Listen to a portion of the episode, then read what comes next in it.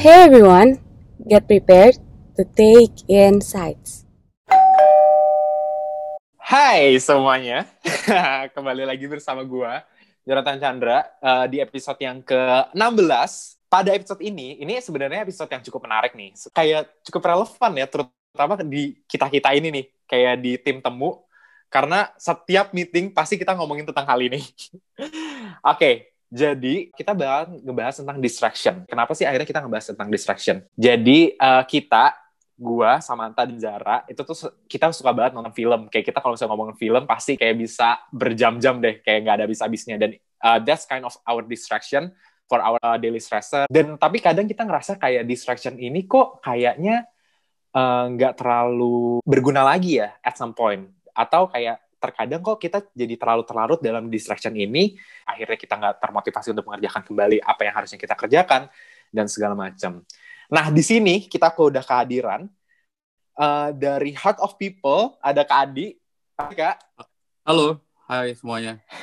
Uh, thanks sebelumnya buat teman-teman dari podcast Temu.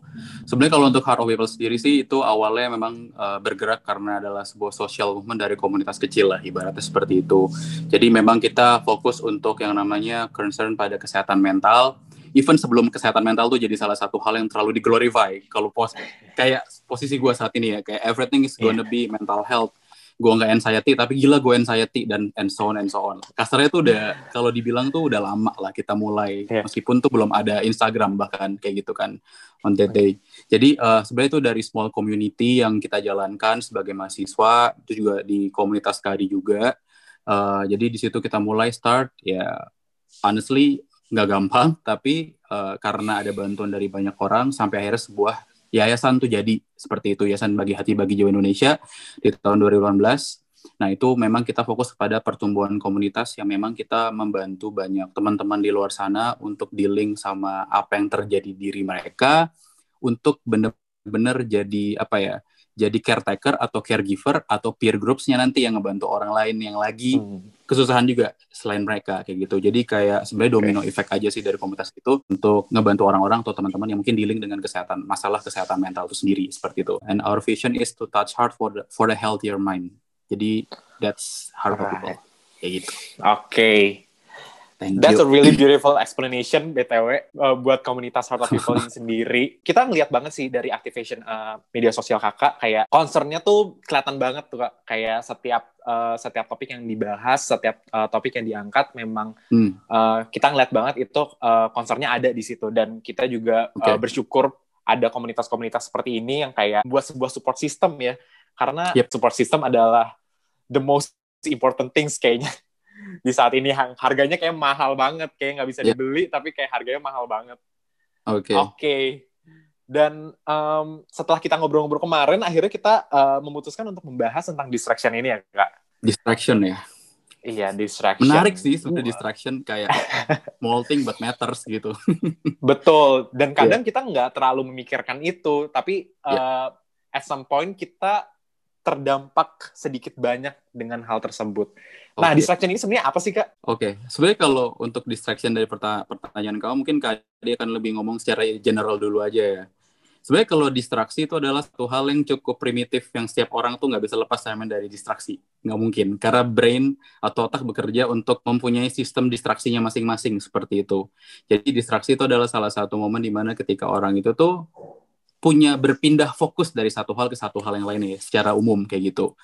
Which is that's normal tapi yang jadi masalah adalah ketika kita udah kecanduan sama distraksi. Itu yang harus kita underline. Distraksinya mungkin nggak salah gitu. Distraksi itu adalah sebuah proses, tapi kalau kecanduan dengan distraksi itu bisa jadi problem sebenarnya gitu. Jadi kita sepakat dulu ya, distraksi adalah satu hal dari bagian dari kehidupan manusia supaya teman-teman yang dengar juga tuh tahu bahwa kayak distraksi sebenarnya tidak tidak senegatif itu.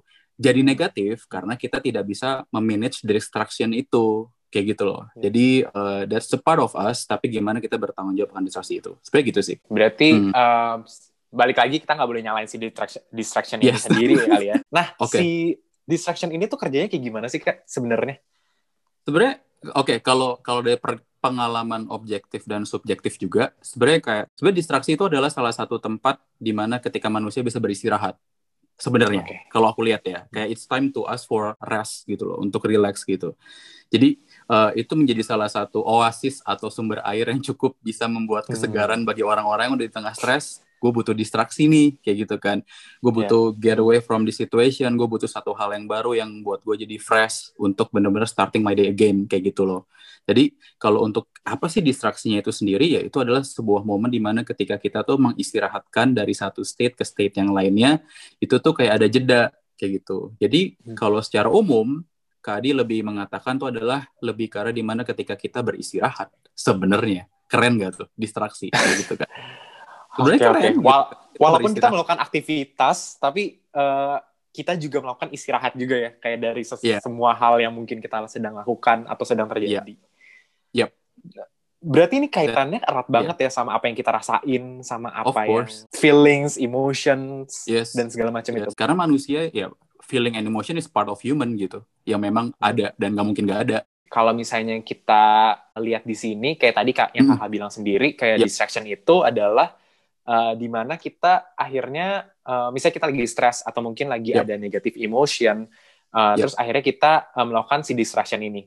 Tapi kayak gimana akhirnya kita bisa tahu kalau misalnya distraction ini adalah hal yang tepat untuk emosi yang tepat. sebenarnya ini agak eh, kita coba main twist ya bukan main twist ya Hmm. jadi kayak kita coba ubah perspektif kita untuk melihat si distraksi ini kayak gitu Oke. sebenarnya kalau dari pertanyaan kamu sendiri mana sih distraksi yang tepat dan tidak tepat mungkin sebelum ke situ kita harus tahu dulu nih kita lagi mendistraksi diri kita dari apa Ah, one thing that's very fundamental gitu itu dasar Hmm. banget gue tuh lagi ngerasain apa feeling gue and Hmm. emotion gue tuh lagi ngerasain apa gitu dan ketika kita tahu kita bisa mencari distraksi yang bisa nge-fulfill needs itu kayak gitu loh terkadang yang jadi problems kita belum tahu apa yang kita rasain dan dari feelings and emotion itu and then we distract ourselves nah itu jadinya kayak ada satu needs yang tumpang Ah. tindih yang selesai Iya, iya. that's how gitu loh ketika gue pengen ngelakuin sesuatu let's say gue ngerjain art karena aku suka art karena gue pengen ngedistract diri gue dari apa sih dengan art misalnya gue lagi marah oke gue coba ngelakuin hal yang related to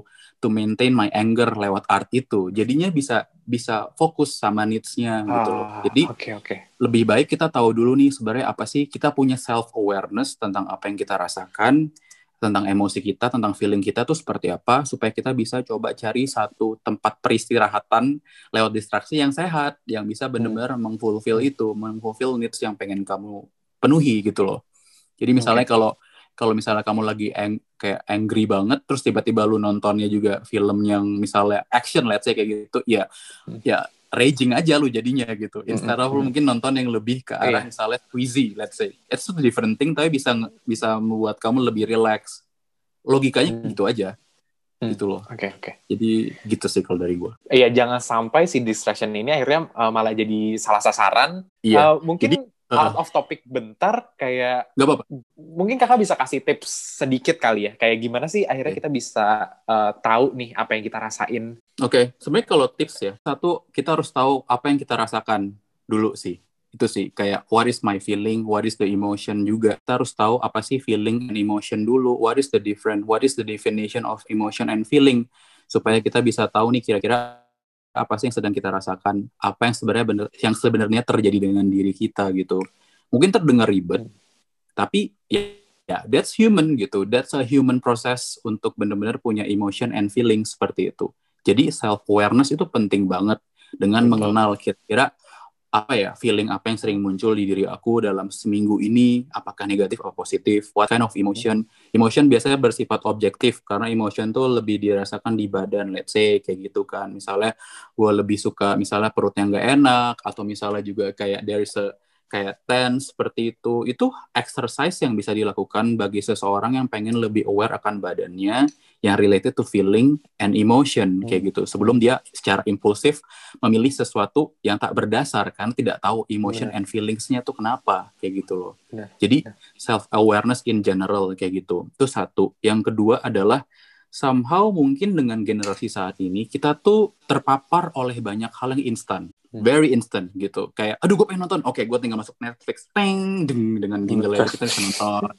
Oke, Iya. gue bosen, oke gue pengen coba sesuatu deh, aduh gue lapar, gue pengen Gojek. Dari pilihan Gojek aja bisa banyak tuh, kayak GoFood, kayak Betul. banyak banget pilihan dan lain-lain. Sehingga ngebuat kita menjadi generasi dengan kontekstual gratifikasi instan, which is kita pengen cepet, terbiasa pengen cepet, instan, gak mau nunggu, harus ada. Nah, Hmm. itu jadi salah satu momen di mana ketika kita nggak sadar, kita hidup di era yang seperti ini, kita pun juga jadi nggak being mindful about ourselves kayak gitu. Nggak nggak jadi here and now gitu. Ini gue Kak Adi lagi dalam ruangan ini nih bertemu dengan kalian bertiga. This is I'm being mindful to you guys gitu loh. Bukan lagi kayak berusaha untuk mikirin abis ini gue lagi pengen ada konseling apa lagi kayak gitu. Jadi here and now, please here and now. Orang kan sering banget bilang mindful, mindful. Tapi sebenarnya tahu nggak sih mindful itu apa?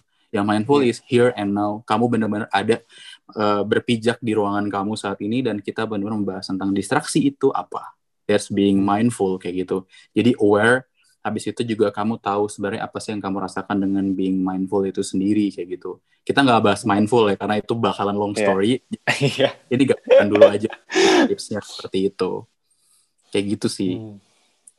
Oke, berarti ada uh, dua poin utama nih ya. Kalau misalnya ngomongin tentang tips, uh, gimana akhirnya kita bisa tahu apa yang kita rasain, apa yang sedang terjadi. Uh, pertama self awareness, sama uh, being mindful, sama apa yang benar-benar kita lagi alamin sekarang. Iya. Uh, pertama setuju banget sih, karena um, ba- ya mungkin kita bisa andain ya gimana akhirnya kita bisa uh, dapat obat yang tepat kalau kita nggak tahu apa yang kita kita sakit apa, kita nggak tahu Iya. sakit tersebut itu sebenarnya kayak gimana sebenarnya at least uh, inilah maksudnya kita bukan kita bukan dokter kalau dengan perandaian itu tapi at least kita tahu kayak kita harus ngelakuin apa nih saat ini Mm-mm. Dan uh, mungkin satu hal lagi yang uh, akhirnya kita pernah dapetin juga dari salah satu uh, campaign kita juga yang pernah kita uh, lakukan for information nih kak kita pernah uh, Yap. ngadain sebuah campaign uh, namanya To Be Honest Project jadi kita Uh. uh, mikir bahwa uh, di era kayak sekarang ini terbuka untuk diri sendiri itu kayaknya sus- susah banget. Yes. Jadi uh, kita kita berpegang teguh bahwa si self awareness ini tuh berawalan dari honesty, self honesty. Hmm. Kayak kita being honest to ourselves. Uh, Hmm. Kita terbuka, kita being vulnerable. Ya mungkin itu hal yang sulit, mungkin itu hal yang tak- takut untuk kita uh, jangkau. Tapi Mm-mm. itu hal yang penting loh untuk akhirnya kita Yep. bisa tahu apa yang harusnya kita lakukan pada diri kita sendiri. Ya. Jadi totally agree bahwa memang kita harus tahu nih sama diri kita sendiri dulu kayak apa yang benar-benar terjadi baru kita bisa uh, ngelakuin distraction yang tepat. Ya. Balik lagi nih ke distractionnya nih kak. Sebenarnya kayak kalau misalnya kita ngomongin tentang uh, emotion tadi, misalnya kita lagi Mm-mm. merasa marah, lagi sedih. Sebenarnya distraction itu kayak distracting kita dari emotionnya atau nge-repress emotionnya at the same time atau gimana? Oke, sebenarnya kalau dari pertanyaan kamu eh, lebih lebih ke arah kita lagi ganti gigi aja, ganti gigi satu ke dua, dua ke satu gitu. Karena balik lagi distraksi yang tidak sehat ngebuat kamu nggak menyelesaikan yang harus diselesaikan gitu. Oke. Karena kalau ganti gigi kan you, you going somewhere nggak tahu ya kalau yang naik mobil manual mungkin ada yang misalnya kalau yang manual nih satu kedua Iya. ada lima gigi gitu. Misalnya Hmm. kamu dari kampus pengen pulang gitu, kamu akan pulang tapi kamu pindah-pindah gigi, kamu akan berhenti kayak gitu loh. Jadi nggak nggak ngebuat distraksi itu tujuannya bukan ngebuat kamu tuh benar-benar melupakan apa yang harus kamu selesaikan seperti itu, tapi membuat kamu punya jeda, kamu punya momen rehat kamu, kamu punya self apa ya, punya safe space kamu untuk memproses itu gitu loh. Jadi distraksi yang baik adalah ketika kita pun punya tujuan yang tepat, tujuan yang memang kita tahu bahwa ketika kita nggak berusaha untuk melupain our problems, let's say kayak gitu loh. Jadi Oke. it's it's a two different things sih. Jadi kalau misalnya pengen Hmm. ngelupain ya lu repress gitu ya, lu deny, lu denial kayak gitu. Kalau Hmm. distraction kayak oke aduh gue udah nggak bisa lagi nih, let's say kayak gue lagi bener-bener pack banget dengan tugas gue gitu. I need to break gitu. Oke, ah, oke apa ya kira-kira ngebuat gue bisa lift lift up my mood lagi. Oke, gue beli gelato. Oke, gue beli gelato. Abis itu lu balik ke laptop lu, lu kerjain lagi gitu. Oh, That's right. Tetap lu Mm-mm. mengeksekusi hal yang harus lu eksekusi, bukan kayak oke, gue abis makan gelato, abis itu gue main PS. Eh. Like what do you expect? Then you, you distracted a lot gitu loh, kayak gitu. Oke, berarti sebenarnya uh, distraction ini tuh balik lagi sama yang tadi kakak bilang. Ini adalah Mm. tempat peristirahatan sementara Yeah, di mana yes. akhirnya mungkin eh, dengan semua perasaan yang mungkin akhirnya mengganggu kita dalam Ya. melakukan sebuah eh, kegiatan atau Ya. dalam memecahkan sebuah masalah, akhirnya Ya. eh, kita pasti eh, ada stimuli, ada reak- ada reactionnya, dan mungkin Yes, reactionnya ya. ada sesuatu yang kita nggak inginkan. Harusnya kita distract Mm. ourselves dulu dan balik lagi ke problemnya. Jangan sampai kita nggak balik lagi nih dan balik lagi ke gi- kegiatannya karena distraction ini nggak nggak menyelesaikan problem kita distraction ini nggak Iya. menyelesaikan kegiatan kita tapi ini bisa Iya. membantu kita untuk bisa mengerjakan hal itu lagi gitu kali ya Yes, ya. Jadi istirahat. alright Logikanya Istirahat istirahat, ya. bukan untuk melarikan diri. Nah, itu yang beda. Kalau melarikan diri konteksnya udah kayak lebih kayak you are distracted and you love to being distract gitu loh. Kabur kayak gitu. kabur loh. ya Ya, jadi hopefully teman-teman juga yang dengar bisa bedain dulu ya kayak bedain distraksi yang sehat dan tidak sehat itu seperti apa kayak gitu. Karena Hmm, memang susah-susah gampang sih kayak benar-benar. apalagi kalau ngomong untuk distraction eh Kadi tiba-tiba kayak ada in, bukan insight sih kemarin malam juga lagi Kadi suka ngulik jurnal. Mungkin kayak anak psikologi kan harus rajin-rajin ngulik jurnal ya. Meskipun it looks like okay what's wrong with my life? What do we have to do? Gitu kan.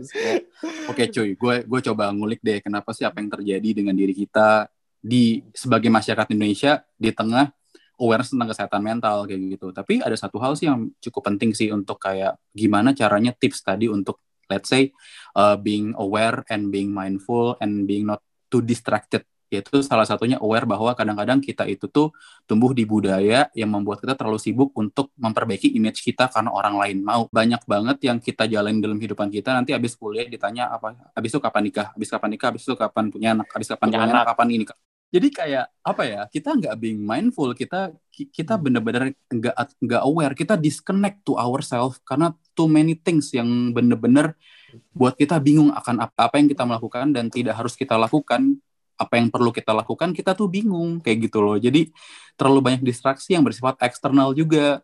Salah satunya mungkin dari budaya dari family. Kita terstruktur dengan satu satu struktur yang membuat kita kadang-kadang tuh ya everyday I'm distracted because of it gitu loh. Karena kayak banyak banget suara yang harus ngomong kayak guys iya iya iya. aku nggak tahu buat pendengar yang di sana ngeh apa enggak sih cuman kadang-kadang kita terstruktur untuk memperbaiki image kita bukan karena apa yang kita butuh tapi apa karena orang lain? Karena untuk menjawab kebutuhan orang lain and it's tiring right?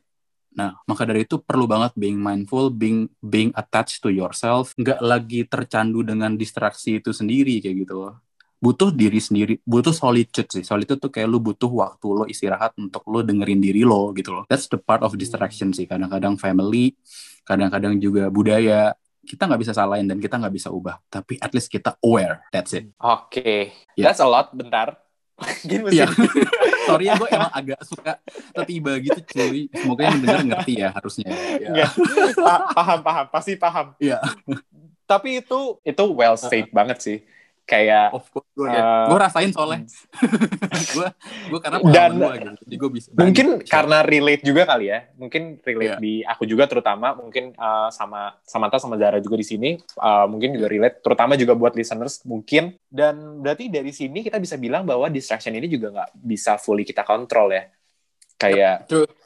jangan selalu mikir kayak distraction itu is all about how you cope with your stress kayak Yeah. distraction ini uh, cuma masalah ya lu nonton TV ya lu kelamaan Hmm. terus jadinya lu uh, gak bisa ngerjain tugas lu lagi atau lu kayak main uh, main PS terus abis itu uh, lu jadi lupa sama kerjaan lu dan akhirnya jadi terlantar dan segala macam tapi kayak kata-kata orang di luar sana yang akhirnya affecting us yang akhirnya membuat kita juga berhenti sejenak untuk memikirkan itu karena kan sebenarnya prosesnya sama nih kita Hmm. sedang melakukan sesuatu terus kita berhenti karena distraction ini. Nah selanjutnya kita balik lagi ke kegiatan itu atau enggak ya itu beda cerita. Itu tergantung lu nya kayak gimana. Tapi Ya. kayak pas kita berhentinya ini nih kayak sebenarnya prosesnya sama sama aja semuanya. Kayak mau uh, omongan orang yang akhirnya bikin kita berhenti kita berpikir mungkin itu akhir, Hmm. akhirnya affecting us a lot. Akhirnya bikin kita jadi uh, mungkin adanya negative feelings yang uh, keluar atau bahkan uh, distraction itu untuk uh, cope our stress itu kayak balik lagi being mindful adalah key-nya kayak kalau saya enggak disconnect tuh adalah hal yang kayaknya mudah banget untuk bisa terjadi gitu Oh, we are very disconnect to ourselves. Sorry, ini disclaimer. We easy disconnect to ourselves nowadays. A lot of things yang ngebuat kita distracted dan kadang kita kecanduan gitu loh. Itu yang harus kita ingat sih, Bro. Dan sis yang dari juga teman-teman listener yang dengar gitu loh kayak ya udah mulai aware kayak apa sih yang buat gua kadang-kadang terlalu sering ngabisin banyak waktu di situ biasanya. Apa pun itu gitu. Dan ngebuat gue kayak malas stuck. Nggak ada nggak ada nggak ada solusi di baliknya seperti itu. Sedangkan distraction distraction yang sehat itu adalah kamu itu tuh diberikan kesempatan untuk coba beristirahat untuk memanage your thought your emotion your feeling untuk uh, outcome-nya perilaku yang lebih sehat kayak gitu loh that's the thing karena kita terbiasa distracted dari kecil. Kayak misalnya nih Iya. lagi mau makan kan harusnya makan. Aku nggak mau makan aku mau makan. Terus ada pesawat ngeng oh lihat pesawat ah terus dia makan. Gue nggak tahu ya itu di zaman gue tadi kan laptop 90-an gitu kan. Terus kalau lagi nggak mau apa-apa eh Iya, itu iya. ada burung. Kita masih kok. ya itu ada burung Ah. terus kayak oke nggak ada burung terus gue kayak oke I'm distracted dan gue lupa atas perasaan gue pas kecil. Kasarnya gitu loh. Kayak oh oke jadi nggak ke follow apa dulu gue pengen nanya sesuatu ke parents gue gitu loh let's say kayak gitu gambarannya gitu. Jadi lupa aja gitu. Terus gimana kita bisa nge-follow up perasaan dan pikiran kita? Gitu loh logikanya perbandingan aja jadi yang sehat adalah tidak membuat kamu itu lupa akan apa yang harus kamu follow up sebelumnya. Jadi kalau mau nonton di timingin misalnya kalau lagi bosan belajar jangan over overdo. Nah di situ jadinya kan eh, susah kayak gitu kan. Terus nanti bete. Habis itu bete kok gue gini ya kok gitu bener, ya Oke. bener. itu Ya, cycle setiap hari sih. Yang Iya. kakak bilang barusan itu cycle Bener. eh, aku setiap hari BTW. gue juga rasain kok jadi it's okay I'm a human we are a human tapi harus kita realize dulu aware that's it Bener. Dan kayak kayak kita jangan sam eh, kita yang ngedrive, harusnya kita yang ngedrive distractionnya. Yes. Jangan sampai kita driven by the distraction. Distract. Kayak kalau misalnya kita kalau kita driven dan akhirnya distraction ini jadi hal yang negatif kan sayang. Harusnya ini adalah hal yang baik balik lagi Yep. dan eh, sebenarnya tadi menarik terkait dengan eh, makan itu. Mungkin kalau saya dari dulu ada yang namanya mindful mindful eating, mindful eating udah mulai terkenal dari zaman dulu mungkin anak-anak itu nggak nggak di distract kali ya pas lagi makan kayak setiap butir nasi harus dirasakan tanpa without Oke. distraction dan segala macam sekarang lagi terkenal Oke, banget kalau- mindful eating ya kalau bayinya gue adalah gue kan stres kalau gue ya di umur itu suruh mindful I hate myself bener juga bener juga ya ini bercanda ya guys Oke. biar nggak serius-serius banget kayak gitu betul Jadi betul Ya. betul harus ada batasannya langsung ya ini Iya. adalah sebuah bercandaan kalau enggak ini jadi hal yang dipikirkan Rancu. lagi Iya, Iya, Nggak, iya, cuman itu benar-benar. tadi logika logika berpikir aja kita terbiasa dengan Benar-benar. distraksi dari kecil kayak gitu. benar-benar benar jadi kalau saya ini. iya kalau misalnya eh, dipikir-pikir dari dulu kita nggak dilatih untuk being mindful uh, with ourselves gitu Mm-mm, mm-mm.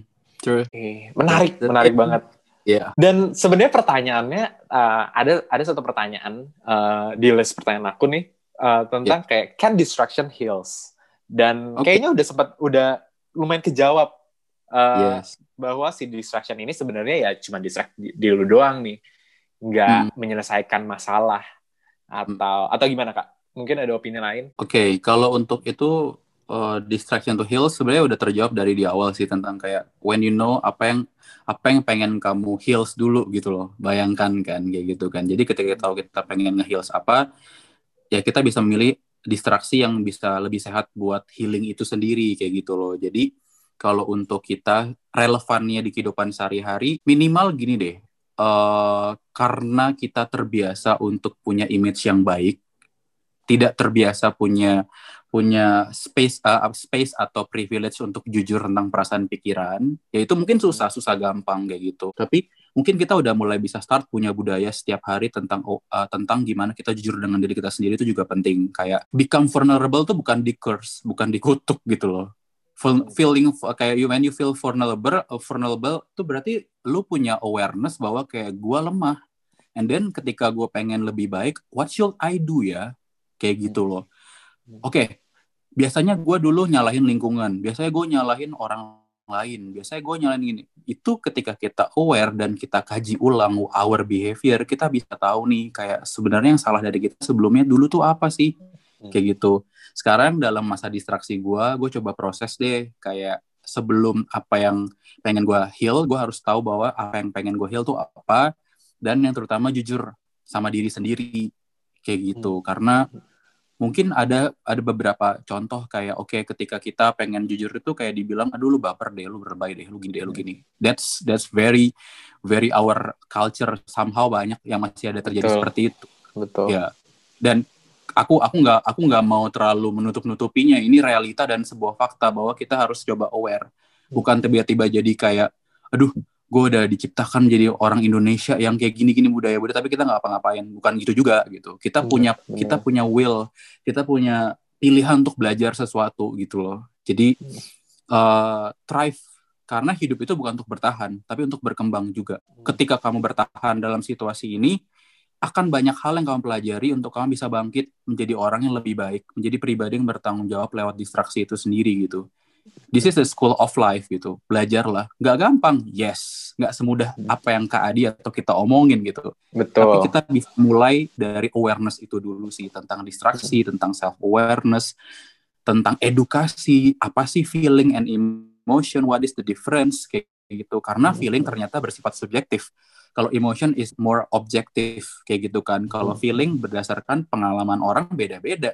Kalau gue dikasih bunga, gue ngerasa kayak oke, what what's wrong with you? Tapi ada mungkin yang dari sini kasih bunga happy banget gitu loh. That's a different things, friend. Kalau emotion itu mungkin lebih ke arah konteks di mana ketika orang itu tuh punya reaksi yang lebih objektif. Misalnya kalau takut jantung berdetak, jantung berdebar. Kalau misalnya lagi cemas, let's say sakit perut, itu kemungkinan semua orang ngerasain hal yang sama. Apakah kita aware akan perbedaan feeling and emotion tertentu? Nah, kita harus tahu itu gitu loh. Perlu adanya edukasi juga sih tentang apa sih manusia, apa sih konsep berpikir, apa sih konsep hidup Betul. di budaya seperti ini. Kita harus bersikap asertif atau aktif juga untuk edukasi diri kita. Kalau kita pengen survive dan bertumbuh kayak gitu. Mekanismenya gitu sih. Kalau opini ku ya untuk lewat eh, topik kali ini kayak gitu. Ini lebih umum jadinya. Kayak gitu. Mm-mm. Itu sih. Iya. Ber- eh, dan jangan lupa juga bahwa kayak mungkin apa yang eh, kalian kalian lihat nih di luar sana atau yang kalian lihat Hmm. di orang lain ya belum tentu juga eh, same goes to us. Mungkin aja True. kayak ba- balik lagi yang kayak tadi Kak, Adi bilang kayak orang dikasih bunga aja reak- reaksinya aja bisa beda-beda. Begitu juga Yep. diri kita kayak. Dengan sebuah situasi, dengan sebuah kondisi kayak mungkin orang lain bakalan punya eh, distraction tertentu atau punya their own way buat uh, coping with that. Mungkin ada orang aja yang kayak kayaknya kita juga bisa ngejudge kalau misalnya ada orang yang kayaknya kerja terus nggak pernah distract their self dan segala macam. Hmm. Mungkin kita nggak tahu gitu di di dalam sana mungkin kayak dia udah punya a little distraction yang eh, udah dia lakukan gitu atau mungkin a simple distraction yang kita nggak bisa ngeliat kayak Iya. ya explore diri kita lebih lagi sih karena uh, kita paling tahu kita harusnya yang paling tahu tentang diri kita Mm-mm. supaya supaya balik lagi semuanya tetap tepat sasaran gitu apa pun yang kita Iya. lakukan terhadap diri kita sesuai gitu Iya, lebih lebih banyak dengerin diri sendiri sih. Karena Hmm. informasi yang saat ini ada influencer ada influencer satu, influencer dua, motivational satu, motivational dua. Mereka nggak salah, tapi kita juga lebih bijaksana untuk memasukkan informasi konten yang ada. Even menurut nanti nih untuk para viewers atau listenersnya. Dengar podcast ini, kalian juga punya punya kewajiban untuk mengkaji ulang hal ini penting nggak buat aku? Hal ini tidak Hmm. penting nggak buat aku? Apakah aku bisa relate dan gak relate? Kenapa ya? Kayak gitu loh. Jadi Iya. punya punya kayak uh, stage of mindful awareness dan juga kayak bijaksana juga dalam memberikan penilaian terhadap diri sendiri karena kadang-kadang kita me- embedded apa yang orang lain katakan ke diri kita padahal belum tentu bisa dan belum tentu Benar. sama kayak gitu loh Benar, Jadi, benar. filter deh apalagi generasi zaman sekarang filter tuh penting banget bukan filter di Betul. Instagram aja kadang-kadang filter digunakan untuk menutupi kelemahan kita gitu ini filter untuk benar-benar melihat kita tuh lemah di bagian mana kuat di Iya. bagian mana kalau untuk gitu. melihat kelemahannya ya iya gitu bukan filter Iya. untuk tiba-tiba jadi kayak ya lucu gitu apa gimana that's that's that's how that's how we live now gitu loh. Ya memang kita nggak bisa hindarin gitu tapi at least kita aware akan itu gitu loh. Gitu sih. Ya, jadi balik lagi kayak distraksi itu tuh jadi hal yang mungkin tadi deh dari tadi kita ulang-ulang distraksi sebenarnya ini hal yang penting kadang-kadang orang lupa. Itu aja sih. Mm. kenali distraksimu tiap hari itu apa dengan cara itu kenalilah perilakumu satu satu persatu perlahan-lahan. Ambil waktumu, lebih banyak dengar dengan dirimu gitu. Lagi connect sama dirimu lagi. Kesedihanmu apa, kesenanganmu apa, kekecewaanmu apa. Jangan ditutupi dengan banyak informasi. Kalau lu kecewa, ya udah, embrace it. Why? Bukan berarti malah mencari kegiatan banyak di luar yang gak membuat itu jadi kelar perasaan kecewanya gitu. Gitu sih. Oke. Hmm, Dari tadi kakak bilang kayak uh, listen to yourself, kayak dengerin diri lu sendiri dan segala macam. Uh, itu kan sebenarnya kelihatan cukup abstrak ya, dan kelihatan cukup kayak ah, lu dengerin diri lu sendiri, kayak gimana ya? Kayak kalau misalnya dan semua orang uh, aku yakin kayak punya their own way buat dengerin diri dia sendiri. Mungkin kakak bisa share kayak your way buat dengerin diri diri kakak sendiri gimana sih? Kalau aku sih uh, memang untuk mendengarkan diri sendiri biasanya itu mulai dengan cara yaitu di mana aku punya habit. Punya habit sesibuk-sibuknya aku dalam kehidupanku, dalam kehidupan kalian, aku benar-benar memprioritaskan waktuku setidaknya 15 menit untuk aku tuh ngelakuin di mana positive self talks. Aku benar-benar lebih ke arah punya inner dialogues instead of inner critics inner critics itu adalah hal yang paling benar-benar muncul zaman saat ini karena kayak hmm. penilaian diri kita tuh terlalu dibandingkan dengan penilaian eksternal yang buat kita ngerasa nggak achieve sampai akhirnya kita mengkritik diri kita sendiri gitu loh. Jadi aku mengubah inner hmm. critics itu dengan inner dialogues. Kalau inner dialogues tuh aku membandingkan apa yang gue temukan di eksternalku dengan apa yang gue butuhkan kayak gitu loh. Jadi ngebuat aku tuh ada peredam, ada filter sebelum aku punya feeling and emotion corrupted secara negatif kayak gitu loh.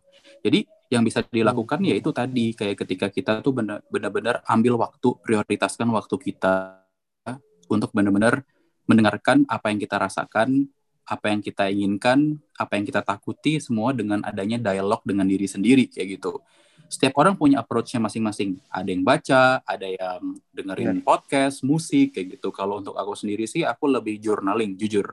Aku lebih banyak gambar aku lebih banyak uh, aku lebih banyak meditasiku bukan tiba-tiba aku yoga apa enggak tapi aku aku sering aku punya hal yang sebenarnya aku agak nggak pernah aku bagiin sih. Kayak aku suka punya butterfly hack aku kayak butterfly hack serius kayak and it's helpful for me gitu loh. Jadi kayak aku punya ritual. Carilah ritual teman-teman. Yang teman-teman tuh intinya mindsetnya adalah punya pengalaman dengan diri teman-teman masing-masing. Itu perlu banget. Itu self space kalian. Badan kalian tuh rumah kalian. Siapa lagi gitu? Siapa lagi gitu? Jadi kayak bagaimana caranya?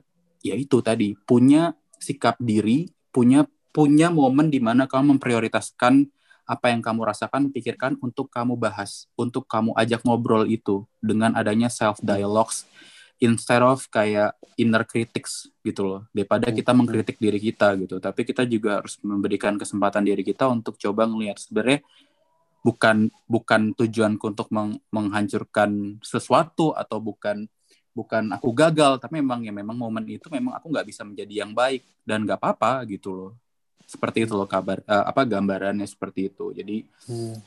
lebih ke arah punya habit sih habit karena kita punya awareness baru punya habit hmm. kayak gitu hmm. kalau nggak ada awareness ya kita nggak distract diri kita terus gimana gitu Iya, iya. Jadi habit baru yang ini harus dijadikan satu apa ya di 2021 ini kita jadikan itu kayak salah satu mantra lah. Anjay, mantra. Mantra. mantra banget. Iya, mantra kayak gitu. Enggak, itu jadi satu satu Bener. habit kebiasaan yang cukup bisa Bener. kita punya sikap hidup untuk diri kita sih. And it's hmm. powerful. Tergantung orang-orang ya. Ada yang self healingnya kan beda-beda kayak gitu.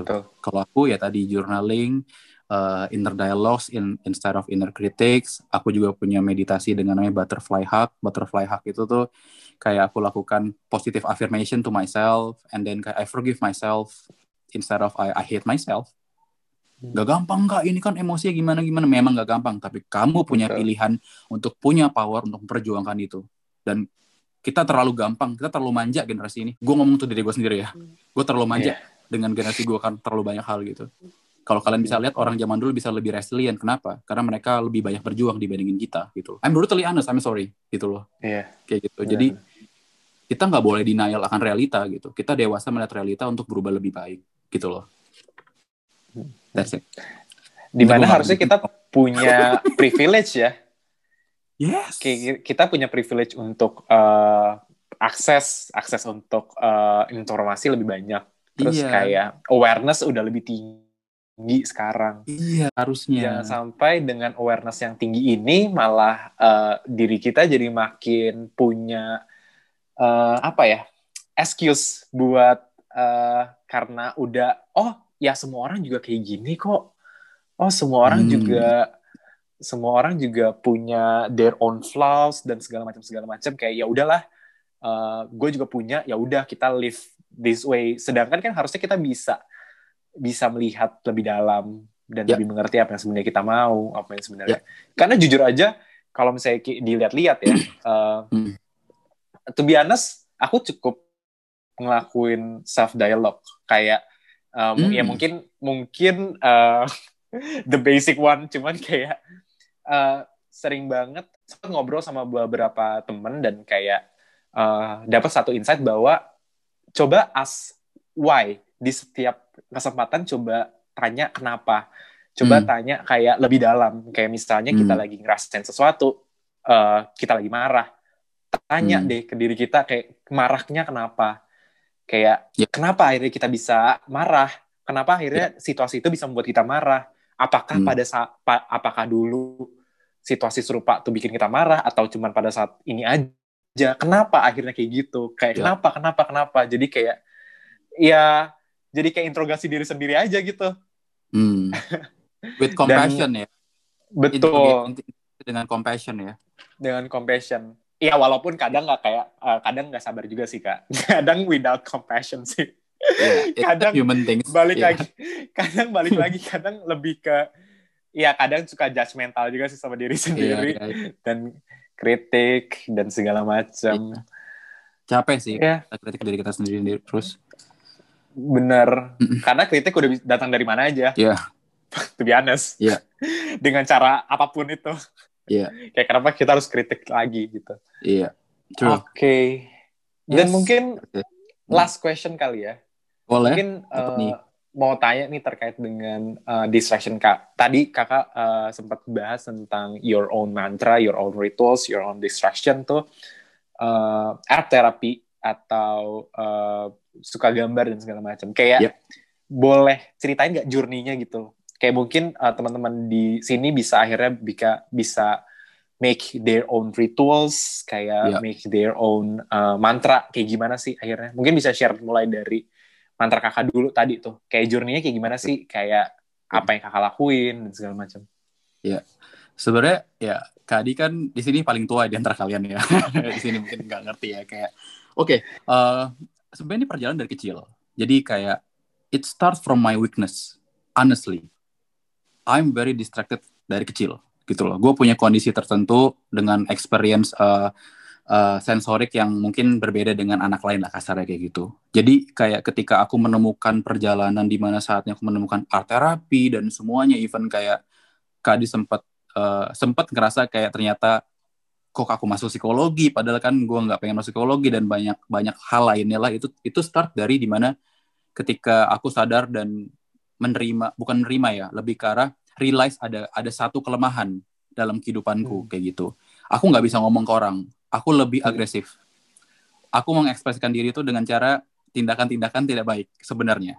I'm honest kayak gitu kan. Tapi ketika di situ aku aku rasa aku nggak bisa gini terus gitu loh. Aku melihat apa sih yang aku bisa lakukan dan aku ngerasa itu bisa aku kontrol aku start dari di mana ketika mulai start realize apa sih yang bisa aku lakukan dan aku paling senang lakukan which is adalah art jadi mekanismenya dulu nih ketika aku temuin ada kelemahan dalam diriku ngebuat aku untuk coba mengeksplor satu hal yang memang aku bisa mempertanggungjawabkan dengan baik which is art Hmm. dari kecil aku terbiasa kalau marah kalau aku lagi nggak bisa ngapa-ngapain, kalau aku bener-bener lagi nggak bisa mengutarakan apa yang aku rasakan, selain ngomong ke orang tua, aku ngegambar. Kayak gitu loh. Jadi ya eh, awareness orang beda-beda ya. Mungkin dari kecil aku udah Hmm. kritis. Aku tipe orang analytical. Aku kritik kayak critical minding banget kayak gitu kan. Jadi aku menemukan oh gue lemahnya di sini, tapi gue kuatnya di sini. Makanya gue improve yang gue bisa aja daripada gue berusaha jadi orang lain Hmm. kayak gitu loh. Jadi uh, journey-nya adalah start dari kelemahan karena teman-teman yang dengar di sini juga percayalah kadang-kadang kita benar-benar benci dengan kelemahan kita, tapi kelemahan kita adalah salah satu awal dari kekuatan kita yang kita bisa pelajari. Karena kalau kita realize akan kelemahan itu, kita bisa belajar satu hal yang baru, kalian akan nemuin potensi kehidupan kalian yang baru. Jadi belajar dari kelemahan itu. jangan membenci kelemahan itu gitu loh. Jadi aku ada di posisi ini ketika aku lagi bersahabat dengan kelemahan itu dan cari tahu sebenarnya apa sih yang bisa buat aku lebih baik. Yaitu satu, skill, kreativitas, atau juga yang namanya kayak ketika you know your talent. Kayak Tuhan, setiap Tuhan, uh, setiap manusia dikasih Tuhan tanggung jawab untuk mempertanggungjawabkan talenta itu. Gimana sejauh mana kita mau melihat itu dan mempertanggungjawabkan talenta itu untuk jadi bisa uh, ibaratnya jadi bekal kehidupan kita gitu loh. Jadi hmm it start from weakness. I don't know why ya kalau kamu tanya gitu. Jadi kayak surprisingly ini bukan masalah pro sekolah di mana S2, S3 bisa art therapy dan semua tapi kayak when I look at to myself itu start from my weakness sih. Jadi okay. jangan juga jangan terlalu sedih dengan weakness itu tapi kita improve lah. Kita re reframing kayak how how next why I'm like this iya. why gue harus lebih baik kayak gitu kan seperti yang tadi Jonathan bilang kayak gitu kan that's how sih journey-nya sih from weakness habis itu adaptasi menggunakan talenta yang ada you know your hobby. Karena kadang-kadang anak tanya kayak Kak Adi kalau lagi ada klien hobi kamu apa? Aku nggak tahu kak. Start dari situ. Aku langsung kayak start cari hobi lo. Kasarnya gitu loh kayak please why? Kayak gitu kan. Apa yang iya. ngebuat lo kayak ngerasa nggak punya hobi? Why? Why brother sister? yeah. kayak gitu kan. Betul. Ya. Jadi start dari hal-hal kecil ternyata meaningful buat kita. Karena kadang-kadang kita take for granted hal-hal kecil di sekitar kita mm-hmm. dan kita mm-hmm. hanya fokus sama hal-hal di luar sana yang menurut kita tuh keren. Tapi sebenarnya kita nggak butuh gue kayak nggak berhenti ngomongnya tapi kayak that's that's that's me gitu jadi but it's su- kan ya? tapi super insightful jadi kayak kita nggak masalah sama sekali Iya, gitu sih bro. Dan ya dan teman-teman yang lagi dengerin kayak gitu. Ini bukannya Kak Adi ngajarin ya, tapi kayak I just want to being me and share. I know that it's yeah, I'm just share my my experience karena terkadang apa yang ada saat ini ini bukan karena bisa-bisanya aku tapi karena satu ya muncul dari kelemahan itu bahkan Tuhan izinin aku punya kelemahan itu untuk sebuah purpose nah kita aware apa enggak itu aja dan walaupun kita uh, kita harus explore diri kita sendiri tapi kan kita juga perlu untuk mendengarkan perlu untuk melihat di luar ya. sana ada apa kayak ya. uh, orang lain seperti apa journey orang lain kayak ya. gimana mungkin banyak hal yang bisa kita lihat banyak hal yang bisa kita adaptasi mm -hmm. banyak hal yang bisa kita pelajari juga Yeah. Gosh, kita punya there's a lot of things loh. Iya. Yeah. Kita punya panca indera, panca indera tuh banyak, reseptor kita banyak. Bener, Jadi memang bener, kita ditakdirkan untuk belajar banyak. Mata dua, kuping dua, satu mulut lebih banyak lebih banyak diam, kayak gitu kan. Yeah. Something like that. Tangan dua, kaki dua, bisa ke mana ya? How? Yeah. How? We we created like that gitu loh. Jadi, hmm. ayo semangat buat teman-teman yang lagi ngerasa demot, lagi ngerasa nggak tahu mau ke mana, lagi ngerasa gak distraksi banget. Yuk, punya experience untuk coba lihat hal-hal kecil untuk belajar lebih baik lewat itu juga gitu. Okay. Ya. Yep. Alright. Oke. Okay. There's a lot of things that I learned tonight. Uh, to be honest, kayak uh, berawal dari distraction aja banyak hal yang banyak yang bisa kita kulik, banyak hal yang bisa uh, kita bahas. Sebenarnya kalau misalnya kita mau panjangin ini, kita bisa ngobrol two hours, three hours kayak yeah. bisa bisa aja gitu. Tapi uh, sayangnya kita uh, harus uh, selesai sampai sini karena kita juga udah ngobrol cukup panjang nih. And yeah. I really hope teman-teman yang mendengarkan juga bisa uh, mendapatkan banyak ya, bisa tahu apa yang sebenarnya kalian mau melalui uh, pengalaman, melalui uh, semua hal yang mungkin udah di-share sama Kadi juga. Sekali lagi thank you banget loh Kak, kayak udah mau ngobrol and share a lot of things being vulnerable juga bahkan di uh, podcast kita which is menurut kita itu bukan hal yang mudah buat siapa pun itu buat Kak yeah. Adi sekalipun Iya. Yeah. Jadi uh, ini ini gue lagi distract myself nih, enak nih, ini sehat nih. Abis ini gue punya tugas lagi, gue bisa lebih free. Nah, this is it. And we highly appreciate kayak apa pun yang Kak Adi lakukan dan yeah, um, thanks. Sekali lagi thank you. Uh, mungkin okay. kita akan bisa ngobrol-ngobrol lagi di uh, lain kesempatan. And thank you guys semuanya udah bisa udah mau dengerin uh, episode kali ini. Thank you. Semoga uh, berguna. And remember, take insights. Bye-bye. Bye.